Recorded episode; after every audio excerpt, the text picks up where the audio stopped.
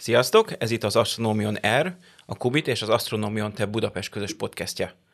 Molnár László vagyok, és ismét itt van velem Kunemma és Tóth András. Sziasztok! Sziasztok! Ez alkalommal egy nagyon nyeres esemény kapcsán beszélgetünk, ugyanis végre valahára elérkezett a James Webb űrtávcső indításának az időpontja, amire nagyjából az egész csillagász társadalom és ugye rengeteg űrkedvelő és csillagászat kedvelő közönség is nagy lelkesedéssel várt. Illetve az adás második felében egy különleges interjúval készültem nektek. Idén szerezte meg Magyarország az első aranyérmet a csillagászat és asztrofizikai diákolimpián, és ennek kapcsán két versenyző és egy csapatvezető lesz a vendégem.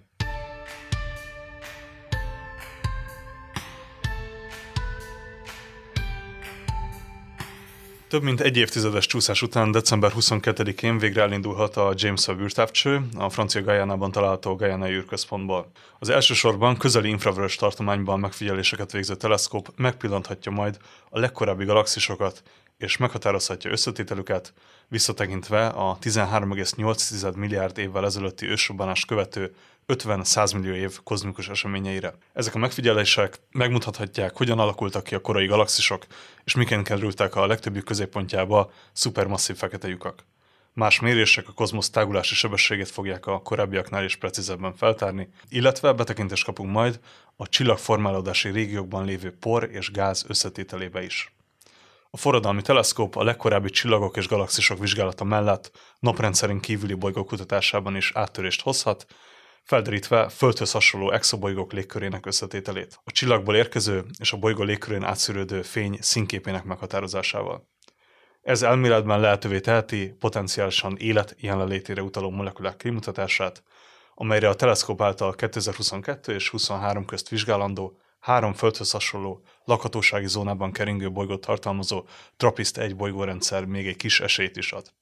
A James Webb méréseit a 18 tagból álló összességében 6,5 méteres főtükre, másodlagos tükre és négy a látható fénytartomány egy részét és az infravörös tartomány jelentős részét lefedő detektorok segítségével végzi majd. Az aranyja borított berilliumból készült tükrök és a detektorok mínusz 223 Celsius fokon dolgoznak majd, hogy a külső hőhatásokra rendkívül érzékeny infravörös méréseiket el tudják végezni. Ezért is a teleszkóp a Föld és a Hold zavaró hatásától távol, a nap és a föld tengelyen elhelyezkedő úgynevezett Lagrange 2 gravitációsan stabil pontból végzi majd a megfigyeléseit. A teleszkóp a napsugárzás zavaró hatását egy ötrétegű, polimer szövetből álló napernyő segítségével védi majd ki, melynek kicsomagolása a teleszkóp kezdeti, nagyjából egy hónapig tartó beüzemelésének egyik legrizikósabb folyamata lesz. Ha minden jól alakul, a december 22-i indítás során a több mint 10 milliárd dolláros összköltségű űrteleszkóp jövő nyártól kezdheti meg a tudományos adatok gyűjtését.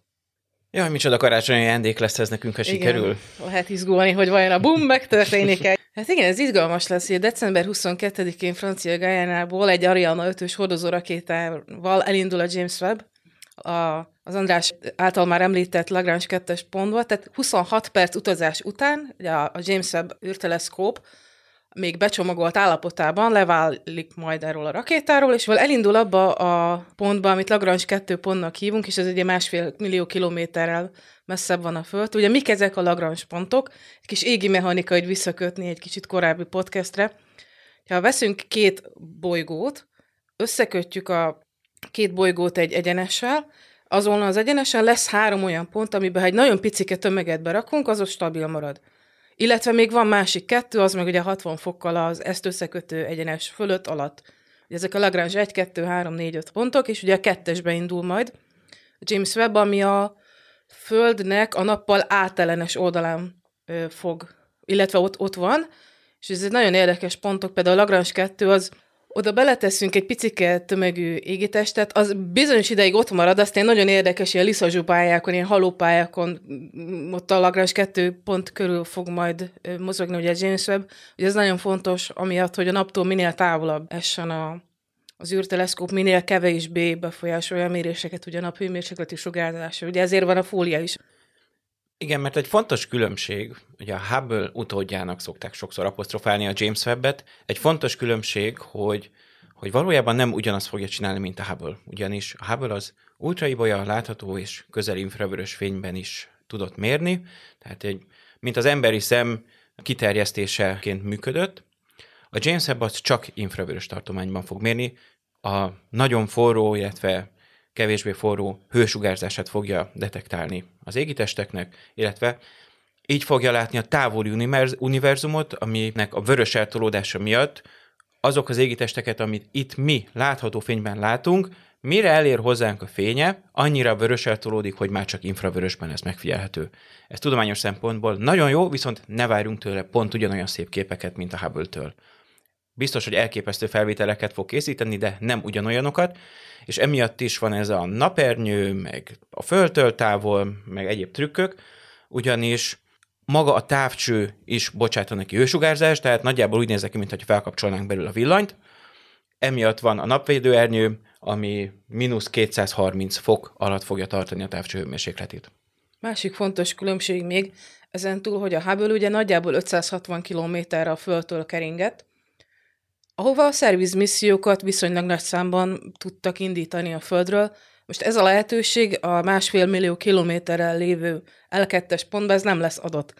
Tehát ez az őrületesen nagy költség, illetve több száz százalékra emelkedett ugye a kezdeti becslésekhez képest az az összeg, ami, amivel valójában elkészült ez, a, ez az űrteleszkóp, ez ugye magában foglalja minimum 5 éves működési költséget, amit jól meg kellett szervezni, vagy tervezni, hogy hogyan fog ez az űrteleszkóp működni, hiszen ha valami gond van, ha nem lesz a nagy bum, nem nyílik ki ugye a napvédőfólia, nem lehet oda elvenni, nem olyan könnyen másfél millió kilométerről a Földtől. És a háború esetéből tudjuk is, hogy egy kezdeti korrekcióra volt szükség, tehát ez nem egy légből kapott lehetőség, hanem egy reális, valós veszély. Igen, egy korrekciós optikát, a kosztárt fel kellett vinni. Hát valójában szemüveget adtak a hubble mert hogy egy picit rosszul volt csiszolva a tükör. Milyen különbségek vannak a James Webb űrteleszkóp és korábbi infravörös teleszkópok között, mint például a Spitzer vagy a Herschel? A James Webb a legnagyobb, messze a legnagyobb, és, és távcsöveknél ott kijelenthetjük, hogy a méret a lényeg. A, a Hubble, ez egy 2,4 méteres tükörrel készült, a Spitzer, ami hasonló hullámhosszakkal működött, az, hogy emlékszem, egy másfél méteres tükörrel üzemelt, és hogy az eddigi legnagyobb űrtávcső, amit felbocsátottunk, az az európai Herschel volt, az egy három és fél méteres tükörrel volt szerelve, tehát messze ráver mindegyikre, messze nagyobb felbontást és érzékenységet tud elérni. Úgyhogy tudományosan egy hatalmas, hatalmas lépés lesz bármelyikhez képest előrefelé. Igen, egy teleszkópnak, űrteleszkópnak a fő optikai elemének az, a felülete, az ugye az érzékenység miatt fontos. Minél nagyobb a felülete, annál finomabb fényesség különbségeket tud detektálni, annál mélyebben, annál nagyobb dinamikával tud működni. Az átmérő az pedig a felbontás miatt fontos. Mit árulhat el nekünk a James Webb a univerzum korai állapotáról és a, a galaxisok, korai galaxisoknak a keletkezéséről, létrejöttéről? Mint mondtam, az infravörösben való mérés az lehetővé teszi, hogy nagyon távoli részét lássuk a kozmosznak. A Hubble-nek volt egy ilyen hátránya, hogy, hogy egy idő után akár mennyi gyűjtöttünk a fotonokat, nem láttuk a még távolabbi galaxisokat, mivel egyszerűen már nem voltak láthatóak a Hubble számára. Ezeket a James Webb a hosszabb hullámhosszakon fogja tudni detektálni, és tényleg az első pár százmillió vagy egy milliárd évben született galaxisokról is lesznek információink, sőt ugye az a, a vágya a csillagászoknak, hogy, hogy egészen visszamenjünk az első csillagok koráig, amikor is az univerzumot addig kitöltő ilyen híg, hidrogén, hélium levesből összesűrűsödtek és begyulladtak az első csillagok, amik először világították be a teljes univerzumot. Ez egy nagyon fontos átmenet volt az univerzum történetében, de erről gyakorlatilag nulla megfigyelési adata rendelkezünk jelenleg, tehát mondhatjuk azt, hogy bármit fog látni a James Webb ebből az időszakból, az tudományos áttörés lesz, függetlenül attól, hogy mit fog látni. Nagyon érdekes lesz a kozmikus távolságlétrát kalibrálni ilyen igen magas zéjű galaxisokon, esetleg csillagokon, ha majd erről is készülnek képek, illetve tudományos feldolgozása megtörténik a képeknek. Bizony, azzal, hogy ugye, nagy vörös eltolódású, vagyis Z értékű galaxisokat is meg tudunk figyelni ezzel, a távolságokat is jobban látjuk az univerzumban, jobban tudjuk méricskélni, hogy milyen messze van, és milyen gyorsan mozog az univerzumban. Tehát azt is meg tudjuk mondani pontosabban, hogy hogyan tágult az univerzum, hogyan fog változni a tágulási üteme, milyen volt régebben, amik ugye szintén alapvető információk az univerzum egészének történetében, illetve az egészének alkotott képben, de ugyanígy gyakorlatilag házon belül is rengeteg megfigyelést fog gyűjteni, akár a tejútrendszeren belül a most születő csillagokat szintén infravörösben tudjuk jól megfigyelni, a naprendszeren belül a nagyon távoli, apró kisbolygókat, a Plutóhoz hasonló Neptunuson túli égitesteket, azokat is sokkal részletesebben tudjuk majd kutatni ezeken a hullámoszakon, és ekkora fénygyűjtő kapacitással. Ezeknek az objektumoknak a hőmérsékleti sugárzásának a maximuma, az körülbelül közel infravörösre esik, és ugye ezeket a Hubble pont emiatt nem látta. Illetve nem úgy látta, ahogy majd a, a James Webb fogja látni őket, hiszen ő kifejezetten erre lett tervezve. Igen. És itt fontos visszautalni a Herschelre, ami ugyan a legnagyobb űrtávcső volt, de még sincs benne annyira a hírekben, mint, mint az a kettő, amiről most beszélünk. Az azért volt, mert az már a nagyon hideg univerzumot méricskérte távoli infravörösben, és például hatalmas eredményeket ért el a külső naprendszer feltérképezésében, csak ugye az kevésbé látványos, mint az, hogy Hubble lefényképez egy gömbhalmazt vagy egy spirálgalaxist. Arról uh, megtudhatunk-e majd a James Webb-nak köszönhetően valamit, hogy a sötét anyag hogyan formálta, vagy hogyan járul hozzá a galaxisoknak a keletkezéséhez, formálódásához? Mindenképpen a, a James Webb az sokkal távolabbi galaxisokat megfigyelve meg tudja azt állapítani, hogy régen hogy oszlott el mondjuk a sötét anyag és a látható anyag egymáshoz képest galaxisokban, galaxishalmazokban, meg most hogy oszlik el. Erre vannak különböző trükkök, most is, hogy hogyan lássuk a sötét anyagot, aminek az a legfőbb tulajdonsága, hogy nem látjuk. A, mondjuk egy galaxis halmazban a galaxisok mozgása az leköveti azt, hogy a sötét anyag hogyan áramlik, megnézzük, hogy ugyanez a galaxis halmaz hogyan világít röntgenfényben, az elmondja, hogy a galaxisok közötti gáz az hogyan áramlik, és a kettő különbségéből lehet például következtetni arra, hogy mi is a sötét anyag maga. Biztos, hogy az univerzum térképezésével és a galaxisok térképezésével a James Webb ehhez is hozzá fog járulni, bár tegyük hozzá, hogy készülnek olyan kisebb űrtávcsövek, amiknek ez lesz a fő célja. Ja, a James Webb az egy obszervatórium lesz. Mindent is lehet majd vele mérni, meg mindenre is lehet pályázni, hogy ki mit akar vele mérni. Lesznek olyan célzott űrtávcsövek, amik a sötét anyag, sötét energia térképezését fogják végezni. És a James Webb, ahogy itt a bevezetőben említettem, forradalmat hozhat az exobolygóknak a kutatásában is. Milyen megfigyeléseket fog végezni szerintetek, és ezek mihez vezethetnek? A fő cél, ja most már ismerünk több ezer exobolygót. Az új cél az most az, hogy megmondjuk, hogy ezek milyenek. Van-e légkörük? Milyen a légkörük? Van-e víz a légkörükben? Lehet-e élet a felszínükön? Van olyan légkör a körülöttük? És tehát ez is nagyon nagy érzékenység kell, megfelelő hullámhosszak, hogy a csillag fénye mellett, vagy annak segítségével érzékeljük a bolygó légkörének a jeleit. A, a James Webb-től várjuk, hogy, hogy erre képes lesz, hogy tényleg meg lesz az a nagy érzékenység, hogy, hogy rámérünk a csillagra a bolygóval együtt, rámérünk csak a csillagra, amikor eltakarja a bolygót, a kettőt kivonjuk egymásból, és akkor marad valami használható adatunk, ami elárulja, hogy mondjuk egy bolygónak a légkörében milyen gázok vannak jelen. Erre vannak már ugye próbálkozások, meg némi eredmények is a más műszerekkel, a Hubble is csinált ilyet, a, a, Spitzer is csinált ilyet, úgyhogy néhány bolygóról már vannak sejtéseink, hogy milyen lehet a légköre. Például a Trappist 1-nél már próbálták kimutatni, hogy van-e ott víz, vagy nincs ott víz, de, de igazából még nagyon-nagyon csak így a, a, a széleken kotorászunk, és itt is a James Webb fogja valószínűleg elhozni az áttörést, megadja az épülő nagy földi távcsövek, de elsősorban a James Webb kell adott hullámhosszon baromi jó érzékenység. Az adott hullámhossz az ugye megvan, van több, ahogy említettétek, infravörös űrtávcső, de az az érzékenység, ami ahhoz kell, hogy egy bolygónak a légkörét ki tudjuk vonni, kellő magabiztossággal a csillag légköréből, illetve a, a, a bolygós csillagos jelből kivonjuk a csillagos jelet, és megkapjuk a bolygós jelet, na ahhoz kell az érzékenység, ahhoz kell az átmérő. És ugye ilyen még nem volt nehéz összekötni egy, egy molekula kimutatását azzal, hogy ott a bolygón élet is van. Hogyha egy olyan spektrumot találunk, ahol uh, több élethez potenciálisan köthető molekula jelen van, oxigén, metán, akkor már egyfajta indikáció lesz, hogy ott valami érdekes van. Mindenképpen, bár persze óvatosan kell fogalmazni, tehát oxigént, metánt, ammóniát, ilyen vegyületeket, ki lehet találni olyan folyamatokat, amik élet nélkül hozzák ezeket létre, de ha találunk olyan bolygót, amikben látunk a légkörben vizet, oxigént és egyéb elsősorban élethez kapcsolódó molekulákat, az nagyon izgalmas lesz. És valószínűleg évekig fogunk róla vitázni, hogy akkor ez most élet, vagy nem élet, mekkora távcsövet építsünk, hogy eldöntsünk, de például egy jó hajtóerő lesz még nagyobb távcsövek építéséhez. Ugye alapvetően napszerű csillagok körül keresünk földszerű bolygókat. Kepler már elég szép eredményeket ért el ezen a területen, viszont az, hogy azok milyen bolygók, a légkörük milyen összetételű, ugye visszakanyarodva, amiről beszélünk, az ugye a Kepler eredményeit nagyon szépen kiegészíti, vagy, vagy felrobbantja igazából a James Webb-nek majd a, a, az eredményei valószínűleg. Tehát a kettőt összerakva, hát szenzációs újdonságok valószínűleg születni fognak.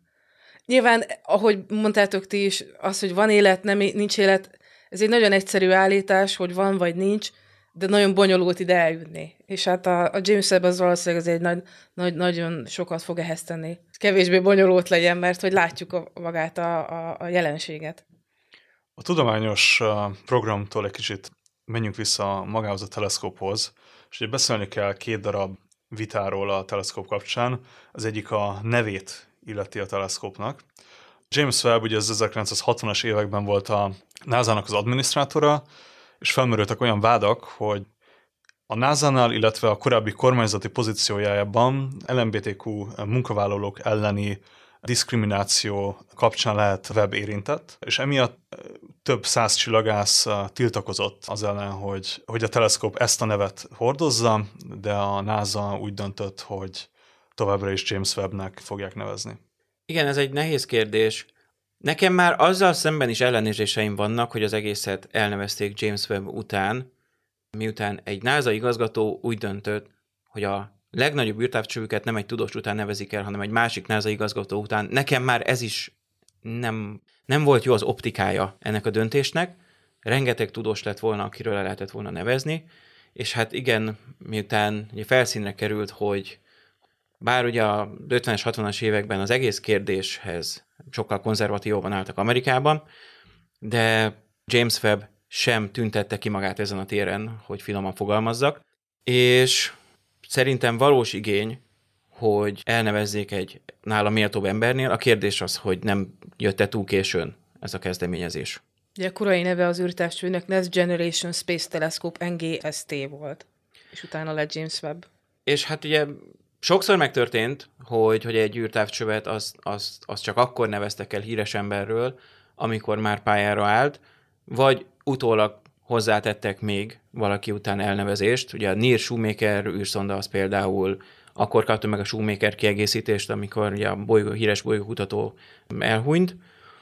Úgyhogy ha sokáig működik, akkor remélhetőleg azért még esetleg történik változás ezen a téren. Szerintem most ebben a pillanatban a nasa úgy voltak, hogy, hogy ez egy olyan mékas, amihez ha hozzányúlnak, az is baj, mert most akkor ugye mindent át, mindenhol át kell írni a távcső nevét, ha nem nyúlnak hozzá, akkor az is baj, mert, mert akkor meg úgy tűnik, hogy mintha nem hallgatnák meg a polgárjogi és esélyegyenlőségi problémákat, hangoztatókat. Ezért van is probléma az LMBTQ, ezekkel már a programtervezése elején foglalkozni szakembereknek, akik ezt fel tudják mérni a társadalmi érzékenységet, hogy éppen az adott korban mik az igények, milyen reprezentációs igényeket esetleg elégíthet ki akár egy űrtávcső.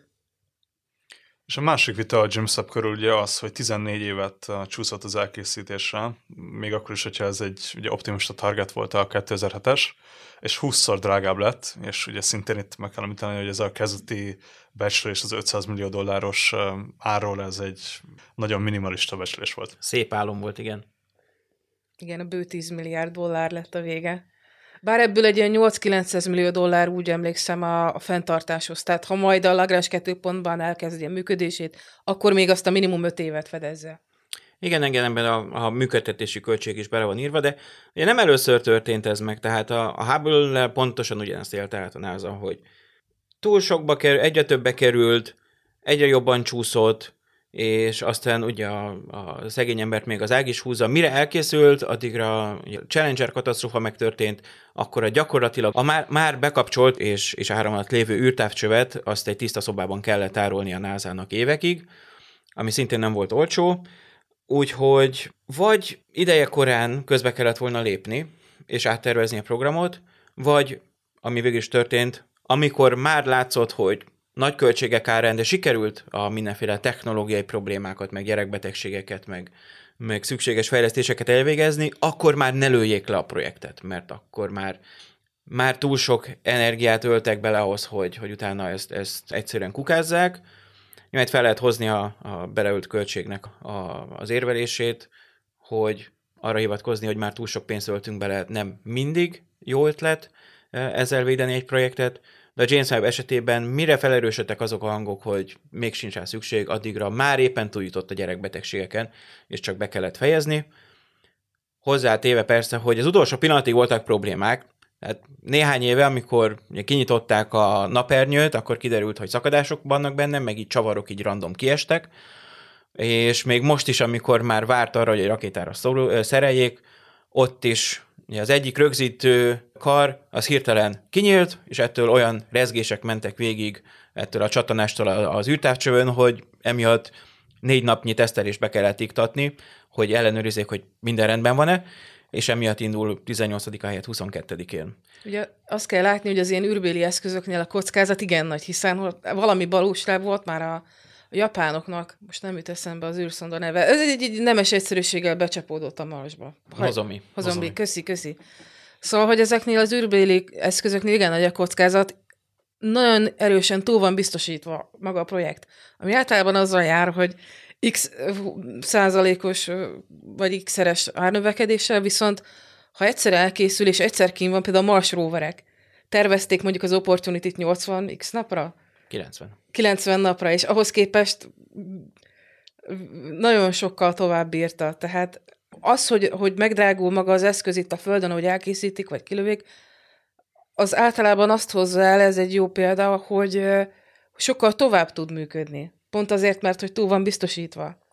És általában a legrosszabbra számítanak, és azt kell kivédeni, például, hogy ne jöjjön ez a nagy boom, a James Webb-nél, tehát ne nyíljon ki a nap, napvédő fólia. Két uh, szempontról érdemes talán még beszélni uh, röviden. Hogy a, egyrészt a James Webb ugye nem egy teljesen amerikai projekt, bár a NASA állja a költségeknek a túlnyomó többségét, 9,7 milliárd dollárt, de emellett uh, benne van az Európai űrügynökség, illetve a Kanadai űrügynökség is, akik Európa 15%-nyit, a Kanada pedig 5%-nyi megfigyelőidőt kap. Mi a magyar kutatók részvétele a James Webb programjában? Igen, Európa a hordozót rakétát adja, az a legnagyobb hozzájárulás, tehát ugye, rajtunk áll, vagy bukik, hogy feljut az űrbe, és akkor onnétól toljuk át a felelősséget az amerikaiakra. És mivel Magyarország ézattag, ezért jogon tudnak magyar csillagászok is pályázatot beadni, Emma és én például nem adtunk be pályázatot. Nem, nem. Más, más... De, de más kutatók Szegedről és Budapestről is adtak be, sőt, nyertek is, tehát. Így van. Így Ez van. mindenképpen nagy dolog. Mi, mi más műszerekkel dolgozunk, de való igaz, hogy egy vezető kutatói pályázat lett sikeres Ábrám Péter, egyik pályázatát fogadták el az első mérési körre, amiben ugye Kospál Ágnes és Lejcsen is szerepelnek a Csillagászat és Földtudományi Kutatóközpontból, illetve egy másik pályázatnak pedig Szalai Tamás a Szeged Egyetemről az egyik társkutatója, úgyhogy ezúton is gratulálunk nekik. Így van, gratulálunk nekik, igen. Több mint ezer pályázat érkezett be az első körben, távcsőidő pályázat, és ebből kevesebb, mint 300-at választottak ki, köztük ezt a kettőt. Akkor gratulálunk a magyar kutatóknak az eredményeikért, és sok sikert kívánunk nekik a megfigyelésekhez, illetve mindenki másnak, aki a James Webb fogja használni. Illetve drukkoljunk, hogy és... december 22-én megfelelő időpontban megfelelő pályára induljon a James Webb teleszkóp. Így van. Szép csillagászkarásonyunk legyen. Így van. Próbáljunk ki most valami mást. Az eddigi adásokban hármasban beszélgettünk, ez alkalommal viszont van három vendég a stúdióban, mivel most novemberben zajlott a legutóbbi csillagászat és asztrofizika diákolimpia, és három résztvevő van itt velem a stúdióban. Sziasztok, én Kalup Csilla vagyok, az idei év egyik csapatvezetője. Sziasztok, én Takács Dóra vagyok, fizikus hallgató, és bronzérmet szereztem a diákolimpián. Üdv mindenkinek, én Varga Vezsony vagyok, idei aranyérmes és első éves fizikus hallgató. Sziasztok! Akkor vágjunk is bele. Először is, mi fánterem a diákolimpia? Miben különbözik mondjuk az igazi olimpiától? Diákolimpiák már évtizedek óta vannak a történelmünkben. Legyen szó matematikai, fizikai, diákolimpiáról, még már több évtizedes hagyományokra nyúlnak vissza. Csillagászat és asztrofizikai diákolimpia viszonylag új, 2007-ben indult először útjára, és ezeken a, a diákolimpiákon középiskolások versenyeznek egymással a világ minden tájáról, méghozzá abban az adott témakörben, területben, amiről az a diákolimpia szól. Csillagászat és az asztrofizika ebben is különleges, hiszen Alapvetően fizikai, csillagászati, asztrofizikai problémákat kell megoldani, legtöbbször papíron, számolós feladatok keretében, de emellé hozzátartozik még maga a csillagászati rész is, ami azt jelenti, hogy nem ritka, hogy a diákok kapnak különböző csillagászati adatsorokat, észleléseket, amiket aztán föl kell dolgozniuk, illetve magán az égbolton is tudni kell tájékozódni, ismerni a csillagképek világát, illetve hogy mit merre találni az égen. Szóval nagyon más, mint egy, egy sportolimpia, és nyilván akkor a felkészülés is máshogy zajlik. Hogyan lesz olimpikon az ember? Hát én személy szerint szakkörökkel kezdtem, ugyanis a korábbi évek diákolimpikonjai, illetve a későbbiekben már komolyabb kutatók is tartanak különböző felkészítő foglalkozásokat, és ennek köszönhetően így el lehet érni azt a szintet, hogy az ember versenyezni tudjon ilyen diákolimpián a felkészítés az, tehát hogy az egész válogató verseny a Diákolimpiára az először egy pár lépcsős előválogatóból, majd egy döntőből áll, erről majd később részletesebben is szó fog esni. A felkészülés akkor részben egyéni, részben pedig lehet akkor is szakkörökbe becsatlakozni. Például a jelenlevő három jelenleg és volt diákolimpikon, az Csilladóri és én is tagjai vagyunk a budapesti olimpiai szakkört tartó csapatnak. Mi Dórival értelemszerűen idén kezdtük az olimpiás kis karrierünk, ha szabad így fogalmazni befejezése után. És ezután pedig természetesen, amikor már ki van válogatva egy csapat, akkor ezután még bővebb felkészítésben vesz részt az ember, de amúgy például nekünk is van úgynevezett edzőtáborunk a nyáron, ahol nyilván nem a fizikai, vagy haha, más tekintetben a fizikai képességekre megyünk rá, ahol akár idén például a nyári táborban volt, hogy napi 7 órán keresztül előadást hallgattunk, és még utána következett este a távcsövezés, az égbolt ismeret. Meg gondolom fizikai felkészítésnek a fizika tudományok vonatkozása is előkerül. Hát 2007 óta vannak csillagász olimpiák. Hogy szerepeltünk eddig az olimpiákon? Mi 2011-ben vettünk részt Lengyelországban először ezen a versenyen, akkor indított először egy ötfős csapatot Magyarország. Azóta azonban töretlenül részt veszünk, és azt lehet mondani, hogy egy nagyon egyértelmű felfelé tendencia van a részvételünkben. Azt lehet mondani, hogy az idei év eredményei az eddigi legjobb szereplésünk volt az olimpián. Eleinte nyilván mi is ismerkedtünk azzal, hogy hogy egyáltalán mi fánterem ez az egész, milyen típusú feladatok lehetnek. Az első néhány csapat még akkor találkozott ezekkel életükben először, a csapatvezetők maguk is. Tehát így, ahogyan egyre többet és többet vettünk részt ezen a versenyen, úgy a csapatvezetők, a felkészítők is egyre jobban tudták azt, hogy hogyan is kellene tréningezni a diákokat, hogy jobban és jobban szerepeljünk. Gyűjtöttünk ötleteket más különböző országoktól, faggattuk őket, hogy ők hogyan készítik fel a saját diákjaikat, Úgyhogy az utóbbi években már nem lepődünk meg azon, hogyha érmeket hoznak el a diákjaink, sőt, már egyre nagyobb és nagyobb arányban hoznak el a csapaton belül is érmeket. Hány fős egy csapat, ami az olimpiára megy? És hány csapatot nevez az ország?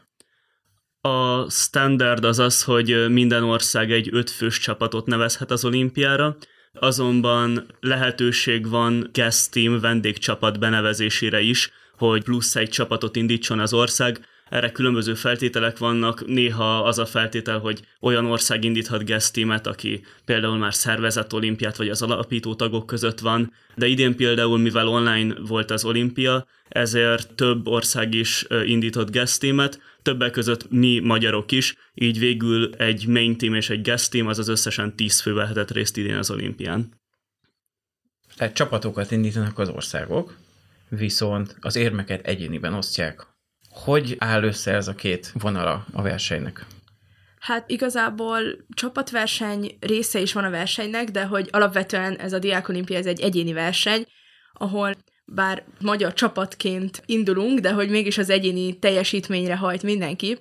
Viszont idén a csapatverseny az országon belüli csapatokból állt, tehát nem egy nemzetközileg vegyes csapatot raktak össze a szervezők, hanem minden ország így összesen együtt az öt ember versenyzett, illetve ugye, hogy Vásony már említette, ahol külön guest team volt, ott a guest team is külön versenyzett, így ennek megvolt ez a mégis ez a magyar csapatverseny vonala is, hogy így közösen dolgozhattunk.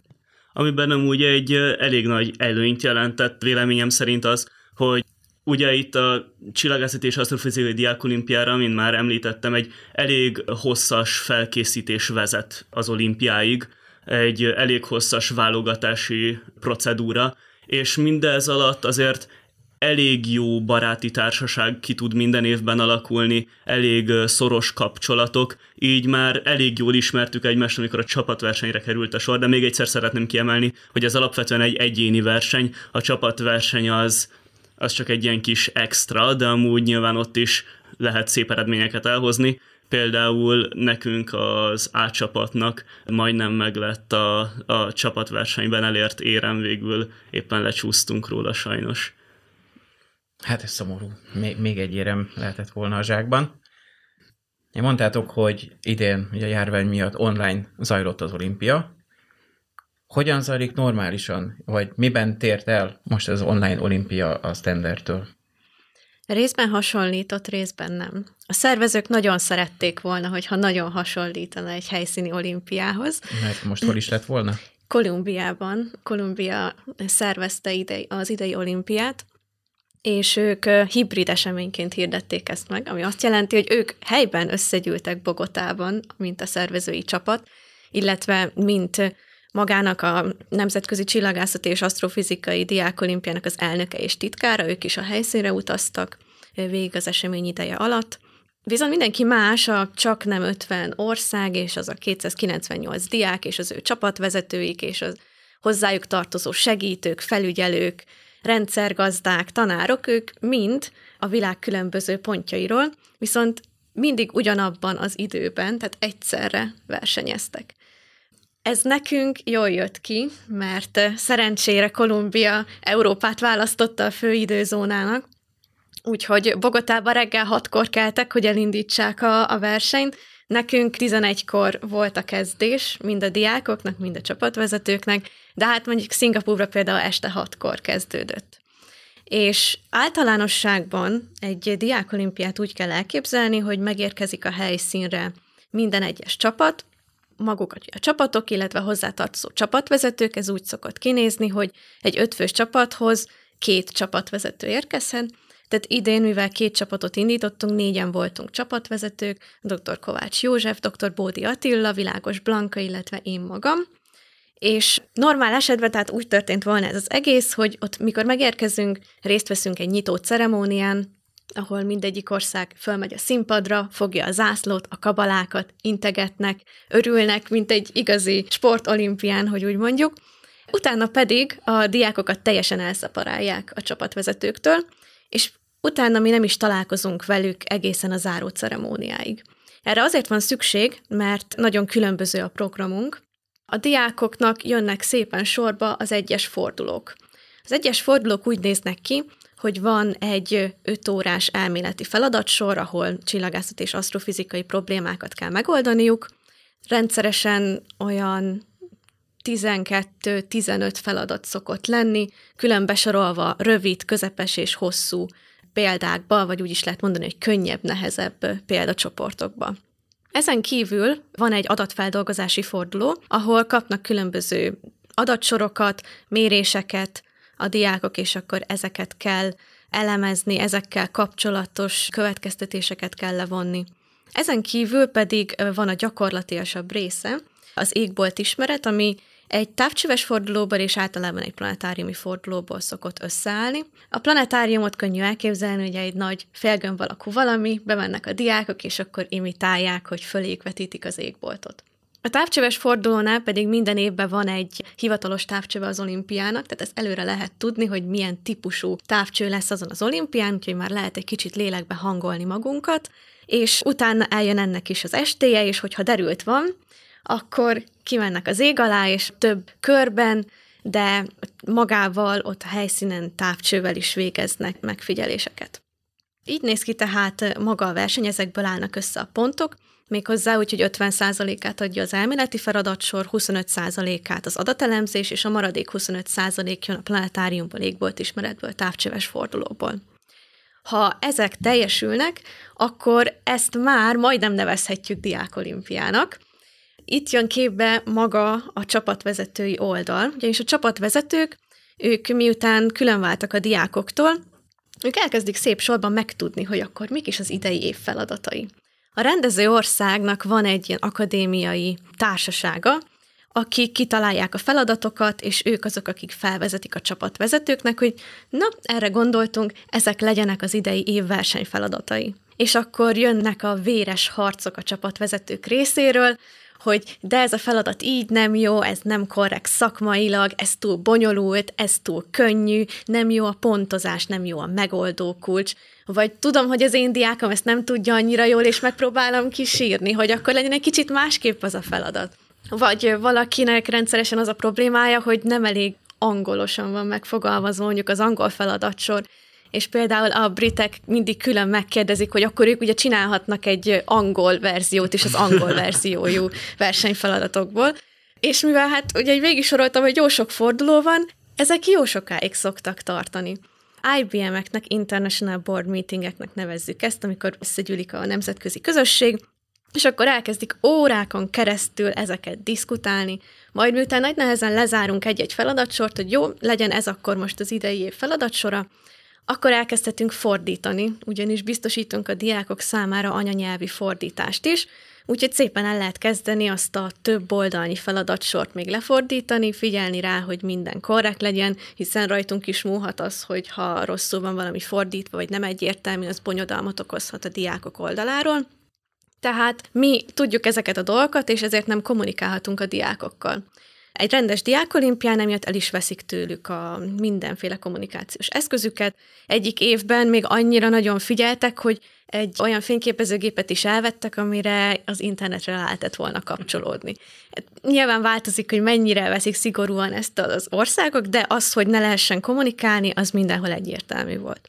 Hát idén ezt megoldani, Úgyhogy ragaszkodunk ahhoz, hogy a, a csapatvezetők azok átbeszélhessék a feladatsorokat, és egy konszenzus alapján dőljön el, hogy akkor mi lesz a feladatsor.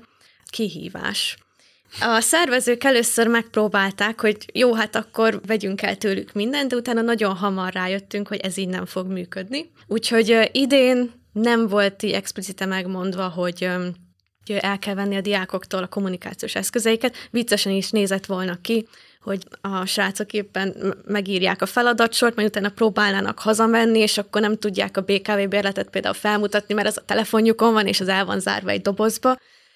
Úgyhogy ez részben idén bizalmi alapon ment, meg annyiban volt még ez segítve, hogy a, a diákok, ők most a Könyves Gálmán gimnáziumban írták meg magát a versenyt, és tartozott hozzájuk két felügyelő, akiknek semmi más dolgok nem volt, csak az, hogy ott nézzék, hogy minden rendben van-e, Kolumbia felé kommunikálják, hogy minden rendben van, senki nem csal. Ők voltak, akik kinyomtatták a feladatlapokat a verseny előtt, majd a végén beszkennelték, miután megírták ők is csak a verseny előtt egy-két órával láthatták a feladatlapokat, és kezdhették el kinyomtatni.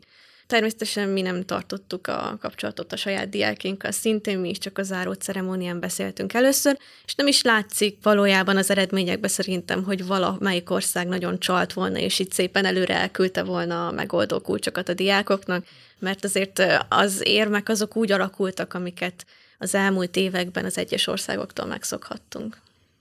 És ti is fizikailag ettől még, hogy online volt az olimpia, külön voltatok választva, mint csapatvezetők a versenyzőktől. Igen, mi, mint csapatvezetők a Csillagászat és Földtudományi Kutatóközpontban voltunk, a Normafán, ott rendeztük be a kis bázisunkat, ahol egy nappal látéve küzdöttünk. Említettem, hogy 11-kor kezdtük ezeket a meetingeket, és ha évfél előtt hazaértem, az már jó volt, de nem volt ritka az, hogy a hajnal 2-es, 3-as busszal érkeztem haza, vagy a közepén a versenynek, amikor az elméleti feladatsort kellett ráadni, akkor 11-kor kezdtük, és másnap reggel 6.33-kor tudtuk megnyomni az entert, hogy akkor most el vannak küldve a feladat sorok a diákoknak, akik majd négy óra múlva akkor elkezdhetik írni. Hát igen, a, a Föld nem lapos, de vannak helyzetek, amikor azt kívánnánk, hogy bárcsak az lenne, és nem lennének időzónák. Van egy régi legenda egy matematikai olimpiáról, azt hiszem, hogy a 87-es olimpiáról, a hatodik kérdés legendája, amit egy, egy NDK-s matematikus küldött be. De egy ilyen kétsoros feladat. Ha ez az egyenlet igaz, akkor valami csak bizonyos megoldásai vannak, ezt tessék bebizonyítani. A bizottság, aki kiválasztotta a kérdéseket, hat órán át próbálkozott, és nem találta meg a megoldást. Maga a verseny az három órát adott a diákoknak a megfejtésre, az összes feladatnak. Hat órán át nem találtak megoldást, majd pedig összenéztek és közölték, hogy hát ez marha jó, ezt adjuk fel. És így azt hiszem, hogy a két-háromszáz versenyzőből így is volt 11, aki meg tudta oldani a feladatot.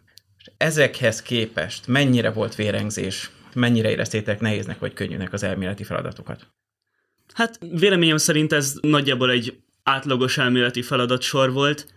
Voltak nehezebb részei is, például az utolsó, tehát legtöbb pontot érő feladatnak voltak kimondottan nehéz feladat részei, olyanok, amik például a nemzetközi fizikai diákolimpián is teljesen megállták volna a helyüket, nem is voltak túlságosan csillagászathoz közvetlenül kapcsolódóak, hanem inkább ilyen általánosabb fizikai tudást kértek számon. Nekem ezzel kapcsolatban annyi valamennyire szerencsém volt, mert idén a Nemzetközi Fizikai Diákolimpia csapatában is benne voltam, tehát ilyen tekintetben is kaptam felkészítést, de, de sokaknak ez nagy nehézséget jelentett, viszont volt sok aránylag könnyen megoldható feladat is, azt kell, hogy mondjam, hogy általában a diákolimpiákon, hogyha már hogyha egy adott szintet elér az ember, amit kb. mindenki elér a magyar csapatból, mert egy elég erős felkészítést kapunk, a legfőbb korlátozó tényező az egyes fordulók alatt az a rendelkezésre álló idő.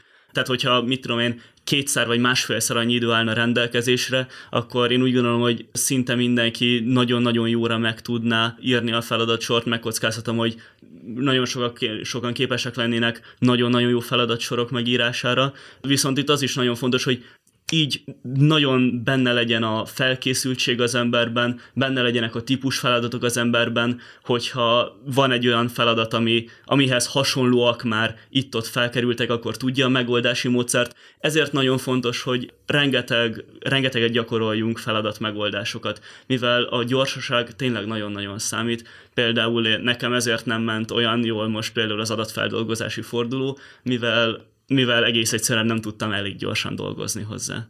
Én ezt még annyit tennék hozzá, hogy nem is feltétlenül a kevés idő talán a legnagyobb probléma, hanem hogy tényleg sok feladat van. És az számomra nagyon nehéz volt, hogy kezelni, hogy a 15 feladat volt idén, és hogy abból éppen melyik van megoldva, melyik az, amit még át kell nézni, és ez tényleg annyira képben kellett ott lenni a dolgokkal, hogy az, hogy az embernek az ideje az eléggé elment arra is, hogy önmagában, hogy a lapok között keresi azt a feladatot, amit éppen meg akar oldani. Igen, és ez, amit Csilla említett, hogy a supervisorok is nagyjából egy, egy, egy-két órával a versenykezet előtt kapták meg a feladatokat. Önmagában a kinyomtatásuk egy igen nagy kihívást jelentett, például az adatfeldolgozási fordulót, emiatt 10 perccel később tudtuk csak elkezdeni. Szerencsére megkaptuk ezt az időt a versenyforduló végén, mivel egész egyszerűen tíz embernek kellett fejenként 80 lapot kinyomtatni, és az még csak az adatfeldolgozási fordulóra. Az elméletire nem tudok pontos számot, de nagyjából ilyen 140 oldalnyi lapunk volt. Ezen persze a munkalapok is benne vannak, stb. De tényleg elképesztő mennyiségű lappal kellett dolgozzunk, és, és ez így önmagában is egy, ahogy Dóri is mondta, egy nagy nehézséget, egy zavaró tényezőt jelent. És ugye a másik fele a talán a legkiszámíthatatlanabb fel az olimpiának az észlelési feladat, távsőes feladat. Ha jól emlékszem, ugye a 19-es nálunk ezt helyen rendezett olimpia volt, a ritka alkalmak egyike, hogy derült volt, és lehetett valódi távcsövekkel, valódi csillagokkal megoldani a feladatot. Hogy zajlott ez online, úgyhogy mindenki felett a saját égboltja volt? Hát ezt nagyon jól megoldották szerintem a, a szervezők, ugyanis tulajdonképpen ezt az észlelést idén két részre bontották, és nem úgy, mint ahogy normális esetben lenne, hogy planetárium és rendes távcsöves észlelés, hanem volt egy napfizikás fordulónk, ahol egy programmal különböző, különböző űrszondák. űrszondák adatait lekérdezve kellett mindenféle jelenséget megvizsgálnunk, és abból tovább számolnunk. Ez okozott némi technikai problémát, ami miatt egy nagyobb csúszás lett a, a versenyben, de igazából maga az alapötlet az egy szerintem egy nagyon kreatív feladat volt. A másik része ennek az észlelésnek, vagy égbolt ismereti fordulónak, az pedig egy planetáriumhoz hasonló forduló volt, csak hát ugye nyilván nem várhatják el mindenkitől, hogy legyen egy teljesen egyforma, ugyanúgy működő planetárium minden egyes országban, ezért ezt egy ilyen hagyományos prezentációval oldották meg, és akkor különböző programból kifotózott égbolt részletek alapján kellett mindenfélét meghatározni, ott kellett csillagfényességet becsülni, meg ehhez hasonlókat, szóval érdekes volt, de én személy szerint nagyon élveztem azt a fordulót. És most egy szép nagy zsákérmet sikerült elhozni Magyarországnak, köztük az első aranyérmet, Vázsonynak köszönhetően.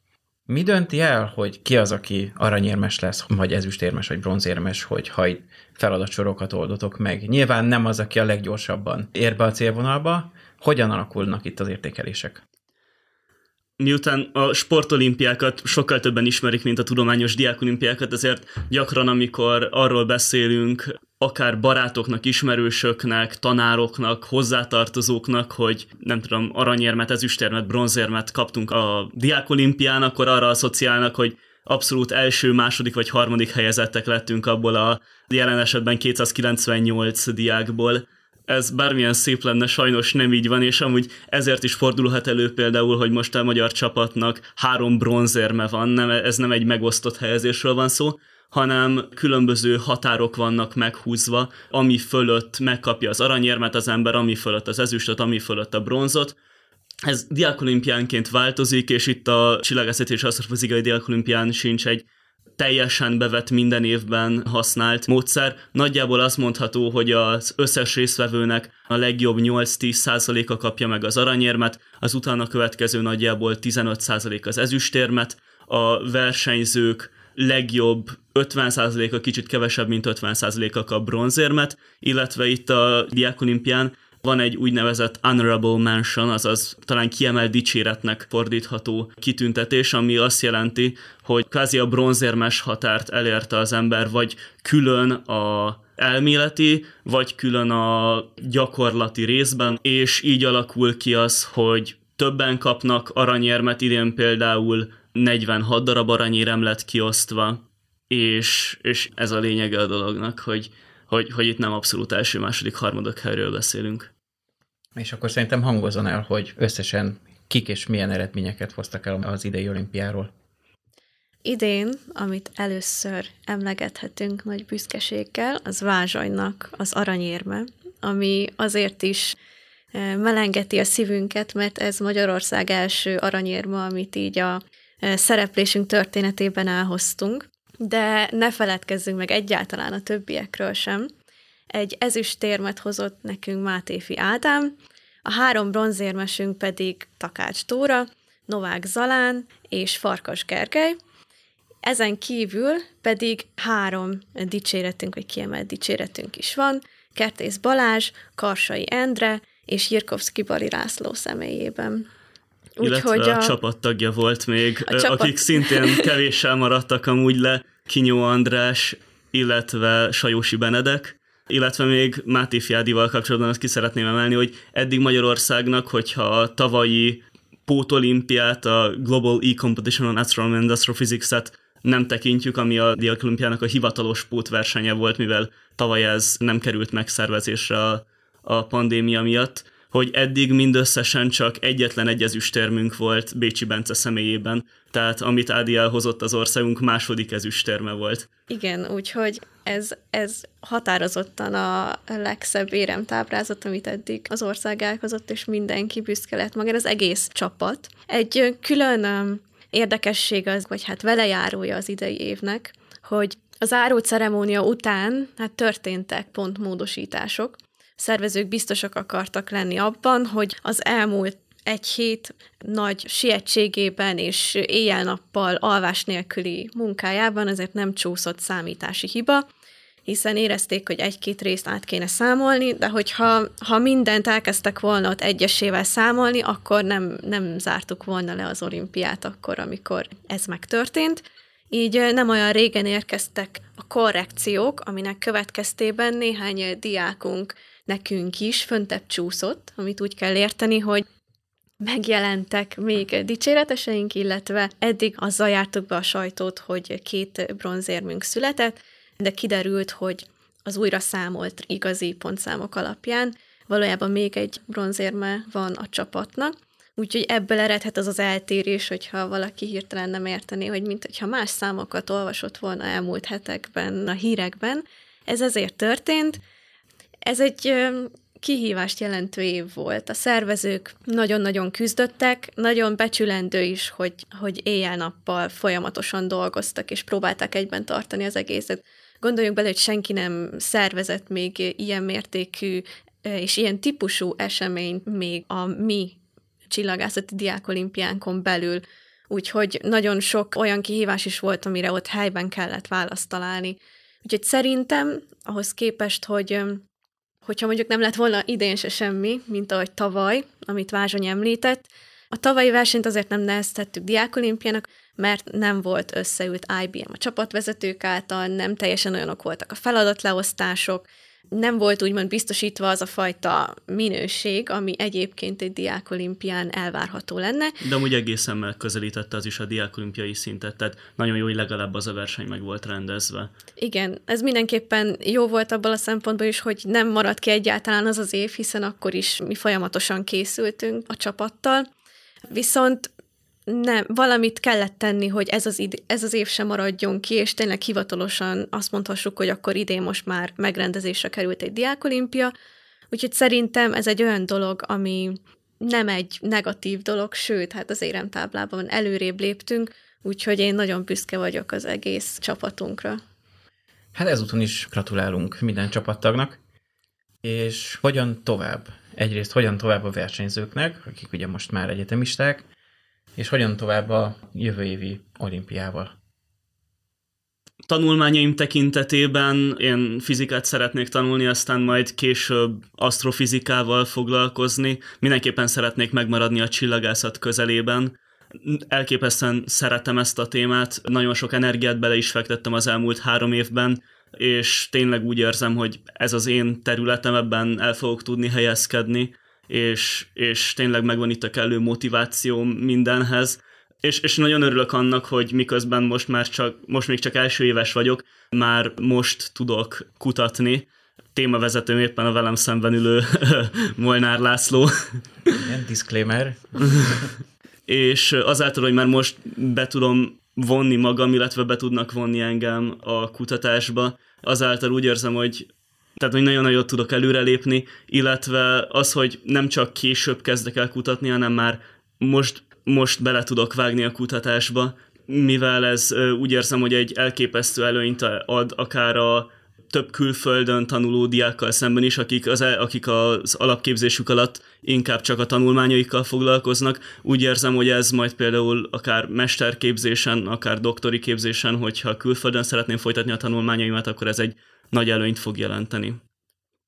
Én is teljes mértékben egyetértek Vázsonyjal. Nagyon hasznosnak találom azt, hogy már így az egyetemnek köszönhetően belekerültünk egy olyan folyamatba, ami tényleg előkészíti azt, hogy már a későbbiekben komolyabb kutatásokat is elkezdhessünk, hiszen én nagyon élveztem ezt az olimpiai felkészítési folyamatot, ahol órákon keresztül számoltunk, meg előadásokat hallgattunk, de talán mégis az egész csillagászatban maga ez a kutatási vonal, ami, amit én legjobban szeretek.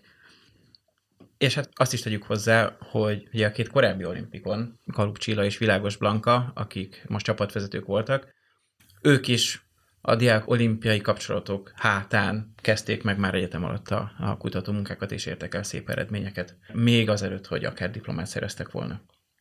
Hol lesz a következő olimpia, és mire számítunk? Online lesz, vagy pedig már lehet menni és együtt versenyezni? Mindenki arra számít, és talán nem is annyira titkon arra vágyik, hogy semmiképp se legyen online, vagy hibrid módon a következő. 2022. augusztusában Ukrajna lesz a rendező ország, akik most jelenleg úgy készülnek, hogy ők akkor helyszíni olimpiát szeretnének tartani, és reméljük, hogy ezt a járványhelyzet is lehetővé fogja tenni nyáron, de természetesen, ahogyan az elmúlt egy, másfél, két évben megszokhattuk, ez teljesen bizonytalan, és majd valamikor előtte fog kiderülni, hogy milyen lehetőségeink lesznek.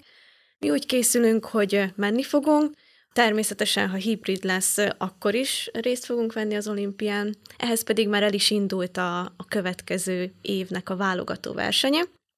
Azt hozzá kell tenni ehhez az egészhez, amit beszéltünk az elmúlt percekben is, hogy maga ez a diákolimpiai mozgalom, ami itthon zajlik a csillagászatban, ez Hegedűs Tibor nevéhez köthető, illetve Udvardi Imréhez, akit még meg kell említeni. Ők, az, ők voltak azok, akik elkezdték itthon. Hegedűs Tibor hozta be ezt az egész versenyzést és mozgalmat itt a, a magyar csillagászoknak a köztudatába, úgyhogy ő neki elévülhetetlen eredményei vannak azzal kapcsolatban, hogy ezt, ezt vitte a hátán. Ehhez forrásokat keresett, pénzügyi forrásokat keresett, és ezáltal egyre tudott fejlődni ez az egész mozgalom, egyre többen kapcsolódtunk hozzá, mint ugye korábbi olimpikonok, mi is újra bekapcsolódtunk a felkészítésbe, és próbáltuk vinni előre mi is a hátunkon. Viszont ahhoz, hogy tovább tudjunk lépni, ahhoz sokat segít az, hogyha nem feltétlenül a csillagászoknak kell minden szervezésbeli munkát elintézni. És ennek a segítésére a Csillagászati és Földtudományi Kutatóközpont átvette ezt a részét az egész diákolimpiai mozgalomnak. Ők azok, akik most logisztikailag segítik magát a felkészítést, és próbálnak velünk együtt azon dolgozni, hogy ők elintéznek minden technikai dolgot, és mi pedig tudunk arra koncentrálni, hogy hogyan építsük fel a felkészítést, és ne azon kelljen aggódni, hogy mit fogunk enni, hol lesz a szállásunk, mikor fogjuk elintézni a buszjegyeket, vagy a repülőjegyeket. Ez egy hatalmas segítség lesz szerintem nekünk a jövőben, és a továbbiakban is többet fog adni az eseményhez. És hát idén a nemzeti versenyünket is egy új köntösbe csomagoltuk, Atletika Galaktika néven lehet megtalálni a versenyt, ami a hivatalos válogató versenye az országunkban a Diákolimpiához. Ennek a döntője lesz március végén, már zajlanak a fordulók, már az első két forduló lement, januárban lesz a harmadik és majd a márciusi döntőn, ami Baján lesz megrendezve, ott fog kikerülni ez a nagyjából 12-13 fős keret, akikkel elkezdjük majd a felkészítést, és ebből fognak kikerülni a csapattagok a Diákolimpia előtt. És ha valaki középiskolásként esetleg most kap kedvet a dologhoz, akkor mikor és hol tud hozzátok jelentkezni? Valószínűleg a jövő évi verseny lesz az, ami szeptemberben fog megindulni, ami már aktuális lesz neki de addig is nagyon tudom ajánlani, hogy a honlapon böngész az információkat, rengeteg felkészülési anyagot és segédanyagot felraktunk az elmúlt hónapokban, amik egyénileg is tudják segíteni magát a készülést, illetve, ahogyan Vázsony már említette, szervezünk Kliák olimpiai szakkört, ahova akár most így menet közben is be lehet kapcsolódni, biztos vagyok benne, hogy ez is egy olyan plusz tudás lesz, amit, hogyha jövőre elindul a versenyen, és elkezdi alaposabban mondjuk fölvenni a fonalat a készülésben, akkor már nagy segítséget tud neki nyújtani. Nagyszerű. Hát akkor bátorítunk mindenkit, hogy csatlakozzon be az Atlétika Galaktika versenybe, Így van. a szakkörökbe. Hmm. Köszönöm szépen, hogy eljöttetek, és hát még egyszer gratulálunk minden érmesnek, minden dicséretesnek és az összes csapattagnak. Köszönjük szépen, és köszönjük szépen a lehetőséget. Köszönjük mm. szépen. Köszönjük szépen. Köszönjük a figyelmet. A 2021-es utolsó Astronomian Air podcastet hallottátok. Köszönöm Tóth Andrásnak és Kunámának az egész éves közreműködést. Kellemes ünnepeket kívánunk mindenkinek, és találkozunk jövőre. Kellemes ünnepeket kívánunk mindenkinek. Kellemes ünnepeket, sziasztok! Sziasztok! Sziasztok!